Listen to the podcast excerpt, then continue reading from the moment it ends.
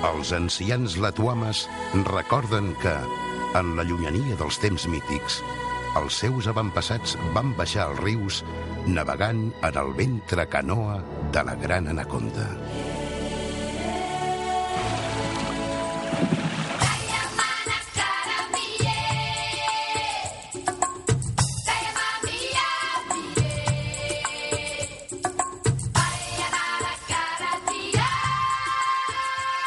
Catalunya Ràdio, els viatgers de la Gran Anaconda, amb Toni Arbonès.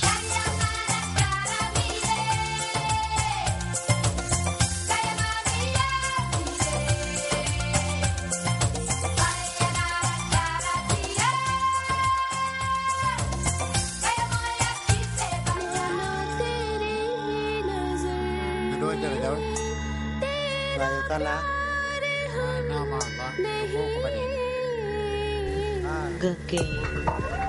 Please hear my anguish words of truth.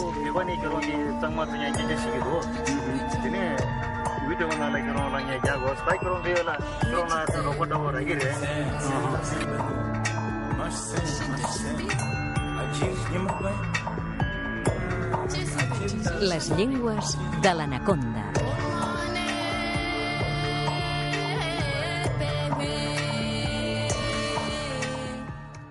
David, què tal, com estàs? Bé, anar fent Sempre mirem lluny, David, i potser hauríem de fer mirades més curtes. més curtes, això mateix. Eh? Sempre parlem de llengües exòtiques i ens en anem aquí sap a on. I, I avui, avui ho farem diferent, anirem una farem diferent. mica més a prop, un bri més a prop, què vol dir? que vol dir que anirem, passarem els Pirineus i ens quedarem just després dels Pirineus A la Catalunya no. a la Catalunya Nord o la Catalunya del Nord, com en diuen. David Valls, lingüista. Anirem per aquelles contrades, sempre parlem de llengües, com tu bé has dit, exòtiques, no? I si una llengua fa així, una llengua fa aixàs. Clar que tot és des del punt de vista, no? Clar, tot és Des punt del de vista, que... clar, per nosaltres això no és gaire exòtic, però bé, també hem parlat moltes vegades i havíem parlat del Wampanoag i moltes llengües que s'havien extingit i que... En, I del Maidu, el Maidu, no? I el Maidu, és veritat, la llengua Maidu, sí. Doncs de llengües que queden pocs parlants, algunes que s'estan a punt d'extingir, algunes que s'han extingit, i algunes, com deia el Wampanoag, que han renascut una altra vegada, o el mateix hebreu, no? Les cendres, com l'au fènix. Ah, això mateix. En aquest cas parlarem del català, que malgrat que al sud dels Pirineus doncs no entrem en detalls, però podem dir que té salut. Al nord dels Pirineus no té gaire salut, en té molt poqueta. És difícil sentir català per allà. És difícil sentir català. De fet, eh, les varietats que en podem dir patrimonials o autòctones d'allà, eh? o sigui, les variants, els parlars propis d'allà, el rossellonès, per exemple, doncs són unes varietats que estan pràcticament extingides, eh, amb, amb excepcions, les que vulguis, però la llengua es va deixar de transmetre ja als anys 40-50, majoritàriament.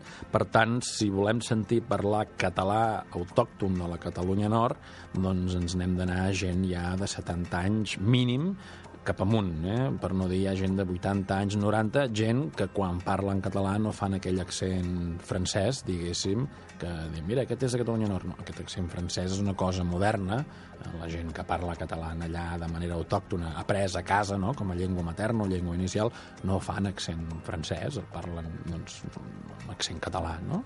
Bé, primer fem una mica d'història, a excepció d'Andorra, que és l'únic país del món independent on el català és l'única llengua oficial i on sempre s'ha fet servir de forma normalitzada tant per la població com per les institucions de forma ininterrompuda, no? Tot i que veurem què passa en el futur, eh? Veurem aquí no vull dir res. Sí, de moment la cosa està així i els nord dels Pirineus doncs, van quedar sota sobirania francesa el 1659, no? el Tractat dels Pirineus, i el sud dels Pirineus van quedar sota sobirania espanyola. Injusta partició. Ara, sí, a més a més, ara que està de moda tot el tema de la legalitat i que hem de seguir la legalitat vigent i aquestes coses... Que és no curiós, segons com, qui ho diu, això la legalitat. Clar, la legalitat és molt, és Relativa. molt, és molt relativa, no? Tan relativa doncs, que aquesta partició no, de la Catalunya Nord amb la Catalunya Sud, diguéssim, aquesta divisió als Pirineus, no va ser feta seguint la legalitat, sinó va ser una il·legalitat, perquè va ser un acord que van fer el rei francès i el rei espanyol, no? sense tenir en compte qui tenia la potestat i la sobirania sobre aquestes terres, que era la Generalitat de Catalunya en aquells moments, No li van dir pas amb els quals no se'ls hi va dir res, simplement un bon dia es van llevar i es van assabentar que allò s'ho havia quedat França, l'estat francès, o el regne de França. perdó. Potser no li van dir res perquè sabien que no donaria el permís. Clar, que no donaria el permís. A més a més, hem de tenir en compte que va ser un trencament, ara aquí estem una mica fent d'història, no de lingüística, eh? però tot, tot, la No, tot té les seves conseqüències. tot té les seves conseqüències. A més a més, cal tenir en compte que en aquells moments Perpinyà era la tercera ciutat de Catalunya, per tant, que tallin o que trenquin la tercera... que Era quedi sense la imputació tercera... que no era qualsevol cosa. No era una imputació, ah, això mateix, no era una imputació, perdó. Imputar és una altra cosa. Sí, imputar, Sí. malauradament, és un Sí, verb sí. que fem servir Sí. massa sovint, Ah, mateix, i acaben igual, eh? Doncs, Sí. eh, Sí, sí. doncs, doncs va ser una amputació que déu nhi eh? Llavors, eh, què va passar? Doncs van quedar aquelles comarques que hi havia allà, va quedar la comarca del Conflent, el Rosselló, el Capcí, el Vallespí i un tros de Cerdanya, no? encara en diem l'Alta Cerdanya, la Baixa Cerdanya, per fer-ne la diferència, o també històricament la Cerdanya francesa, la Cerdanya espanyola, i després també va quedar la comarca de la Fenolleda, que de fet, lingüísticament parlant, és com la Vall d'Aran? És una comarca de parla occitana, eh? occitanòfona. Per tant, de fet, quan diuen, no, és que aquí tenim la Vall d'Aran, bé, la Vall d'Aran i la Fenolleda, passa que com que estan a l'altre costat del Pirineu ens n'oblidem, no? I llavors va aparèixer l'estat francès. Llavors va aparèixer l'estat francès, que de seguida van imposar el francès i van prohibir el català. Quan el diem que van prohibir el català, el van prohibir a les esferes on els àmbits administratius i damunt, no? De, el poble, diguéssim, va continuar parlant català A de casa forma... seva? A casa seva i al carrer de forma totalment normal fins ben bé als anys 50 del segle XX, eh? però ben bé. Eh? De fet, cal dir, per exemple, que el rei Lluís XIV, no? que és el que va in- intervindre... Monarca de l'època. El monarca de l'època. N'hi ha una cada època. Sí, que va in intervindre amb aquesta partició i que es va quedar aquesta part de Catalunya, no?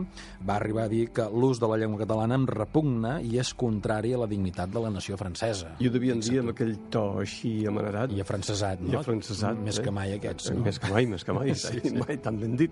Eh? I què va passar, doncs, als anys 40-50? Sí, que cap als anys justifiqués 40. el declivi del català? Sí, als anys 40-50 del segle XX, de forma majoritària, els nord-catalans, per dir-ho així, van prendre una decisió que de fet afectaria el mapa lingüístic d'aquelles contrades per sempre i que esdevenia una interrupció i un tall del que havia anat passant aquells últims mil anys, per dir-ho així, que és que la llengua s'havia anat transmetent, i és que van decidir majoritàriament deixar de transmetre la llengua als seus fills. Com, com els Maidu.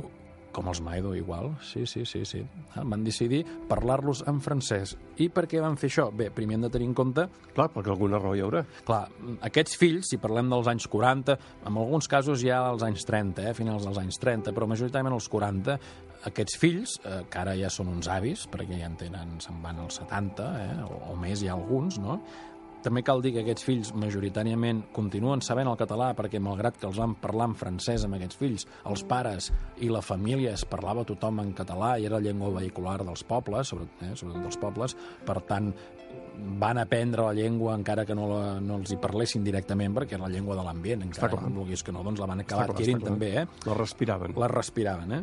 Ah, Llavors, què va passar? Bé, primer hem de tenir en compte que hi ha una sèrie de, de factors que normalment les llengües no desapareixen perquè els parlants diguin mira, me n'he cansat i no vull parlar més aquesta llengua. Sempre ha d'haver-hi una causa. Sempre hi ha unes causes, acostumen a ser causes externes, potser les més, diguéssim, catastròfiques pot ser algun efecte doncs, meteorològic, o algun volcà, algun terratrèmol, que s'ha donat algun cas, eh? ara no recordo, hi ha una illa no sé on, que allà hi vivia una gent, i aquesta gent parlava una llengua que només parlava en aquella illa, sento ara no concretar més, ho podria buscar, va haver-hi un volcà, alguna cosa va passar per allà, Que va entrar en erupció Sí, i ho va escombrar tot. ho va escombrar tot, i aquella llengua que només es parlava en aquella illa va desaparèixer. Clar, això és una causa natural Va externa. no? desaparèixer perquè va desaparèixer la gent. perquè va desaparèixer la gent. parlants. Correcte. Però normalment, quan no és una cosa d'aquestes naturals, una catàstrofe natural, són causes externes. I causes externes vol dir... Pressions? Pressions, bàsicament. Eh? Són pressions doncs, de gent vinguda normalment d'altres llocs o de governs exteriors que no els agrada aquella llengua. I què fan? Doncs en el cas de Catalunya del Nord, doncs jo més o menys he pogut identificar unes tres causes principals. La primera és l'estat francès, anant contra la llengua, i sobretot un element principal, que és l'escola francesa. L'escola francesa i obligatòria i gratuïta i laica, no? van desencoratjar, per dir-ho així, van promocionar l'ús del francès i desencoratjar l'ús del català. Però com el van desencoratjar aquest Com ús? Fer? Doncs una mica amb violència, una mica hi ha testimonis, per exemple, els nens que se'ls escapaven paraules en català a classe, això estem parlant dels anys 30-40, eh? no, estem No parlant, no, no, no parlem de la prehistòria. Eh, clar, que aquí al sud del Pirineu també ens ha passat això, eh? fins als anys 70 també passaven coses aquestes, i 80 fins i tot. Els picaven amb el recle als dits, o fins i tot m'he portat un testimoni d'una senyora que ja té mm, 90, bo, se'n va als 90 anys, que es diu Lluïsa, que és d'un poble del Conflent que es diu Aiguatèbia, o com ho pronuncien allí, Aigatevi, que el professor li va fer un cop de puny al nas, li va trencar el nas per parlar català a classe, no? Com diuen allà, eh, els punien. Devia ser un descendent del monarca, de Lluís XIV. Segurament, segurament. Els mestres van ser uns agents de la República molt eficaços en l'erradicació del català. Qui diu català podem parlar de les altres llengües també, l'occità, el bretó, l'alsacià, etc etc.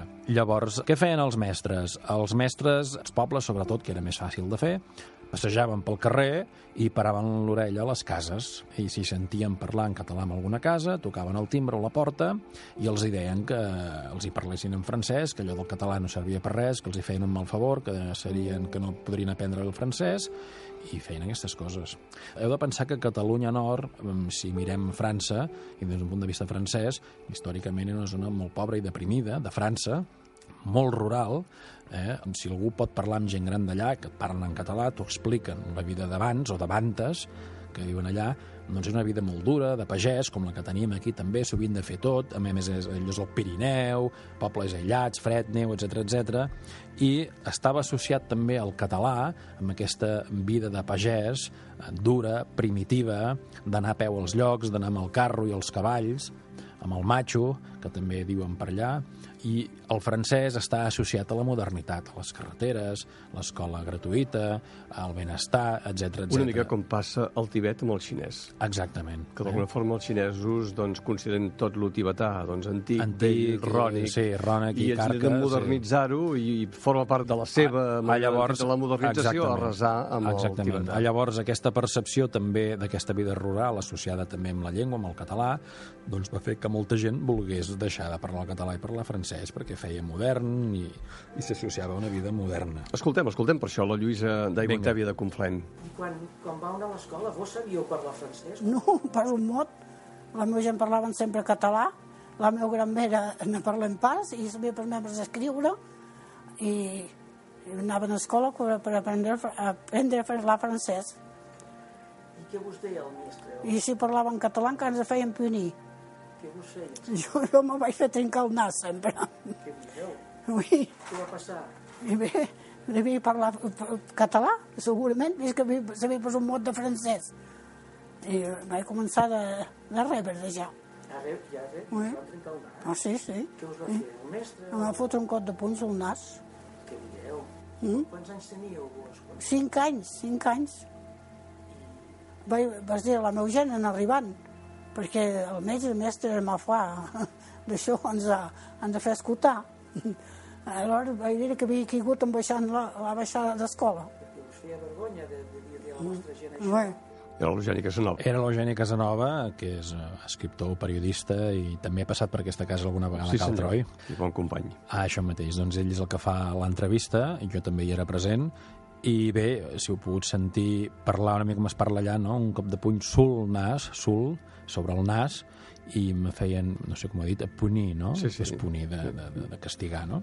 Bé, Clar, és forma, forma part dels darrers parlants. La. Sí, sí, aquesta persona és dels darrers parlants de català... Com a de llengua nativa. Com a llengua nativa i amb la varietat d'allà, no? Aquestes paraules de punir, solnàs, eh, no sé ara què més ha dit, n'ha dit unes quantes, eh, doncs la gent allà ja no ho diu. De fet, la filla de la Lluïsa, la Lluïsa sí, se'n va als 90 anys, la seva filla, que es diu Jana, que ja, ja té uns 60 anys, parla català, però l'ha après ja de gran, parla amb aquest accent afrancesat, i coneix aquest vocabulari, etc etc, però ja no és una persona, ja no és fluent amb la llengua, ja no s'hi sent còmoda, i ella ja no ha transmès el català tampoc als seus fills, però en canvi la neta, o sigui la besneta de la Lluïsa, torna a parlar català perquè ha anat a la Bressola. És a dir, que hi ha esperança. Hi ha esperança. La Bressola, per als qui no sàpiguen, són les escoles, que n'hi ha molt poquetes, malauradament, a Catalunya Nord, on s'ensenya el català i en català.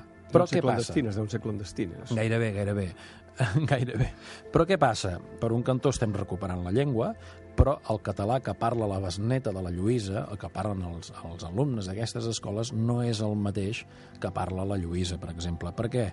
Perquè els professors d'aquestes escoles són catalans del sud, eh, parlen català central, com el que parlem tu i jo, més o menys, Toni, Clar. i no coneixem les varietats d'allà, no les fan servir, i els besnets, eh, aquests besnets, aprenen català com el, el nostre. Per tant, aquí hi ha el dilema de... I no és millor això que res? Clar, aquest és, aquest és el dilema. És millor això que res, pregunto jo? No ho sé. Eh, hi ha casos, per exemple, a Al l'hebreu... capdavall tot evoluciona, tot canvia. Tot, tot canvia. Res és immutable. Clar, jo penso que potser és millor això que res. Eh? I després perquè un cop s'ha recuperat la llengua, si mai s'arriba a recuperar una altra vegada, ningú diu que es puguin recuperar velles paraules o, o girs. Oh, la llengua seguirà evolucionant i agafarà també el i sempre en quedaran. propi... Però mira, per exemple, hi ha dos exemples. L'hebreu mateix, que abans ho he dit, que és una llengua que es va recuperar, no? Um, després de, de segles d'estar extinta, o que només es feia servir... Com el Wampanoag, gairebé. Com el Wampanoag, que una llengua que es feia servir en la litúrgia, bàsicament. L'hebreu que s'ha recuperat actualment, que parlen milions de persones, és un hebreu molt diferent de l'hebreu històric i bíblic, no? Un hebreu molt més simplificat, a més a més s'ha hagut de reincorporar molt lèxic, molt vocabulari nou, perquè, esclar, en 2.000 anys han aparegut moltes Està coses clar. que l'hebreu no tenia, no? Està clar. O, per exemple, el hawaià mateix, que hi ha uns projectes d'immersió lingüística i recuperació de la llengua hawaiana molt interessants, fins i tot hi ha gent que no són d'origen hawaià, per dir-ho així, que són d'origen europeu, americans europeus, Però no? que el volen parlar. que el volen parlar i s'han posat a parlar i n'hi ha que el parlen tot el dia. Aquest hawaià no és exactament el mateix hawaià històric que s'havia parlat sempre allà. Està Però, clar. esclar, perquè la llengua doncs, hi ha hagut uns canvis, s'ha simplificat, etc. Però, esclar, què has de fer? Vés a saber el, el hawaià que parlava el rei Kamehameha. Vés a saber, això mateix. Doncs eh, què has de fer? Deixar estar el hawaià i dir no, escolta, més que com que no és la veritat um, legítima o que parlàvem aquí i el deixem estar o mira, hi ha això i ens agafem això. No, ens ens hi agafem. No? Doncs jo diria que ens hem d'agafar. Llavors, a Catalunya no passa el mateix que hem de fer, deixar estar el català perquè no és aquestes varietats autòctones de sempre o genuïnes, o mira, hi ha el que hi ha en aquests moments, els professors venen d'on venen perquè aquí el català el sabem, i en allà doncs, no hi ha prou gent que el sàpiga per ensenyar-lo. I a més a més poden incorporar el lèxic. Clar, i a més a més, al final aquest lèxic que es pot recuperar, ja es recupera i es coneix, eh? Doncs Es potser coneix, mal- es coneix, sí. Sí, mal que mal, doncs potser recuperar aquest català i veurem com van les coses, no? El cas és que el català autòcton d'allà ha quedat molt desprestigiat, aquest català que hem sentit parlar la Lluïsa ha quedat molt desprestigiat, però en canvi sí que el català estàndard que els hi ve del sud és una varietat que per aquella gent té molt de prestigi i si els hi preguntes, per ells és el català autèntic que és el que senten per TV3 també, no? I per Catalunya Ràdio. I per Catalunya Ràdio, perdó. Llavors aquest és el català que té un prestigi i que ells sí que volen aprendre aquest català. Aquest els hi agrada, els dius, preguntes, vols aprendre el català? I ells parlen d'aquest, aquest diuen sí, però si els hi parles d'aquest patuès que diuen ells, que encara queda i hi ha gent que el parla, aquest altre català no, perquè és una varietat que ha caigut amb molt desprestigi, doncs per les raons que més o menys hem explicat, Has no? explicat, sí. I aquest lèxic que em deies que es pot Clar, recuperar? el tema és, esclar, el lèxic aquest que s'està perdent, aquest peatge, diguéssim... Que Fixa't si- que tu dius que s'està perdent i jo dic que es pot recuperar. que es pot recuperar. S'està perdent i es pot recuperar. A veure, està escrit en llibres i fins i tot, fins i tot, si es busca al Google, o si algú té curiositat, a la Wikipedia hi ha l'entrada del parlar del capcir, del capcí, i eh, hi ha una entrada molt extensa sobre les característiques pròpies del capcí. La, la capital del capcí és Formiguera, eh, molta gent ho deu conèixer per anar esquiant allà, no? Anem a esquiar a França, no? Les pistes de... les pistes d'esquí, Formiguera, sí. no? Per exemple, coses que es poden perdre. Bé, és un català influenciat pel francès, també. Està l'influència que tenim aquí del castellà, que és a tot arreu i no ens n'adonem, no? I els que Eh, parlen castellà del català. Correcte, correcte, sí, sí. Clar, per exemple, allà diuen botura, no per dir cotxe, però sents els catalans que parlen català de la Bressola ja diuen cotxe. Tu si sents un nord català que et diu cotxe vol dir que és una persona o que l'ha pres a la Bressola o l'ha pres de gran amb el català del sud, perquè allà tradicionalment la paraula cotxe no es diu, allà es diu botura, no? que Ah, ve del de francès. voiture. Correcte. Per exemple, diuen adiu, que ve de l'occità, eh, que tant serveix per dir hola com per dir adeu. Diuen abantes en comptes de dir abans. Eh, per exemple, pronúncies, igual que es fa a les Balears, que diuen família, gràcies, histori, pronuncien d'aquesta manera. Aigua tèbia, que han sentit abans, diuen aiga tebi. Aiga també es diu aquí. A la zona de Barcelona, al Vallès, la gent diu aiga i diu llenga, doncs en Lledal també es diu. Per exemple, més coses. El capcí es mengen les eines finals del plural. En comptes de dir catalans, diuen catalàs. En comptes de dir pans, diuen pas. Eh? O sigui, de fet, aquesta varietat dialectal d'en allà ha fet un, un pas més endavant, diguéssim. Nosaltres conservem aquesta eina, que amb el singular ja no la diem. I ells l'han menjat. Però amb el plural encara la recuperem i la conservem, eh? això és, etimològicament és així, però ells aquest dialecte ha anat, diguéssim, un pas més endavant, ha evolucionat una mica més, i aquesta eina ja ni tan sols la fan amb el plural, no? Més coses que diuen per allà, a veure. Ah, el quelcom famós, que aquí de tant en tant diem i escrivim per quedar bé i fer veure que ho diem molt bé. Aquí al sud és un registre més aviat literari, malgrat que molta gent el diu de forma oral, però jo diria que és més aviat literari. En allà és un registre que el diu fins i tot els gats, per dir-ho així, no? Ho diu tothom, quelcom. Allà la gent diu quelcom i no passa res, com diuen llur, no? I, I aquí queda una cosa literària, no? Sí, o un català antic, semblaria. Queda una cosa una mica, sí, sí una mica carrinclona. Farragosa. Sí, farragosa, sí, sí. sí. Doncs allà ho diuen de forma normal. Sí. Què més? Per exemple, coses que diuen els angles, que també la gent va esquiar els angles, que allà en diuen els anglis, eh, els hi diuen a la gent dels angles, clar, són coses que es perdran, perquè la gent parla francès i això potser ja no ho sap, tot i que sí que hi ha gent gran que parla francès que ho sap, eh? Els hi diuen els dels angles, diuen, ja venen els tubaus, els diuen els tubaus. I per què els diuen els tubaus? Perquè en comptes de dir, t'ho diré, diuen, o deien, la gent d'allà, deien, t'ho vau a dir, t'ho vau, t'ho vau a dir, t'ho vau a fer, t'ho vau no sé què, no? Llavors els diuen els tubaus. Eh? És una manera simpàtica, no? Però, esclar, això són coses que la gent que passa per la Bressola ja no ho saben, perquè els professors que no són Clar, d'allà clar. tampoc ho saben. Llavors queda, sí que gent gran d'allà, encara que en francès parlin francès, però si són d'allà també ho saben, això, eh? els tubaus. No? Passa que serà l'única paraula que potser sabran dir en català, no? Com canvien les llengües. Ah, això mateix. Per exemple, eh, doncs la gent d'allà, els nous parlants de català que hagin passat per la Bressol o l'hagin après en un llibre, doncs si són dels angles, ja no diran t'ho diguec, per t'ho dic, o de ballec, per davallo, o pugec, pugec així, eh? per pujo, per exemple, no? Per tant, jo si mm, la gent va allà a esquiar, doncs hi passen per Formiguera i els angles, o els anglis. Que parlin català. Que parlin català, perquè, per començar, són benvinguts i la gent d'allà els agrada sentir parlar català, i si veuen gent gran, doncs que els hi parlin en català. I, sobretot, si van a algun bar, que parin l'orella, perquè si hi ha un grup de gent gran jugant a cartes, segurament estan jugant al truc, que el truc és un joc de cartes molt típic d'allà, que s'ha recuperat i el juga tothom, i a més a més es juga en català, perquè si tu els hi preguntes en francès, diuen no, en francès pas que es pot jugar al truc. Pas que es pot jugar.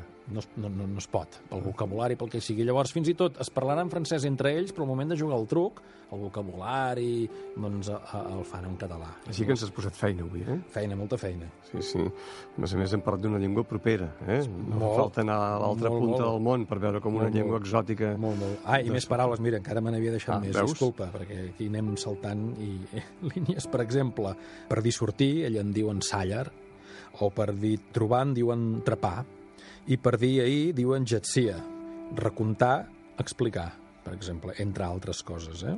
I per dir adéu, per dir adéu. per dir adeu, adeu, o també adiu de l'occità. Clar, hem de tenir en compte que allò és una zona fronterera amb l'occità, històricament, amb el patuès, que diuen allà de forma... Però no digueu patuès perquè és despectiu, la llengua té un nom més occità, i hi ha molta influència de l'occità, també de l'occità del català, eh? Són dues llengües que en allà s'han influenciat moltíssim, moltíssim.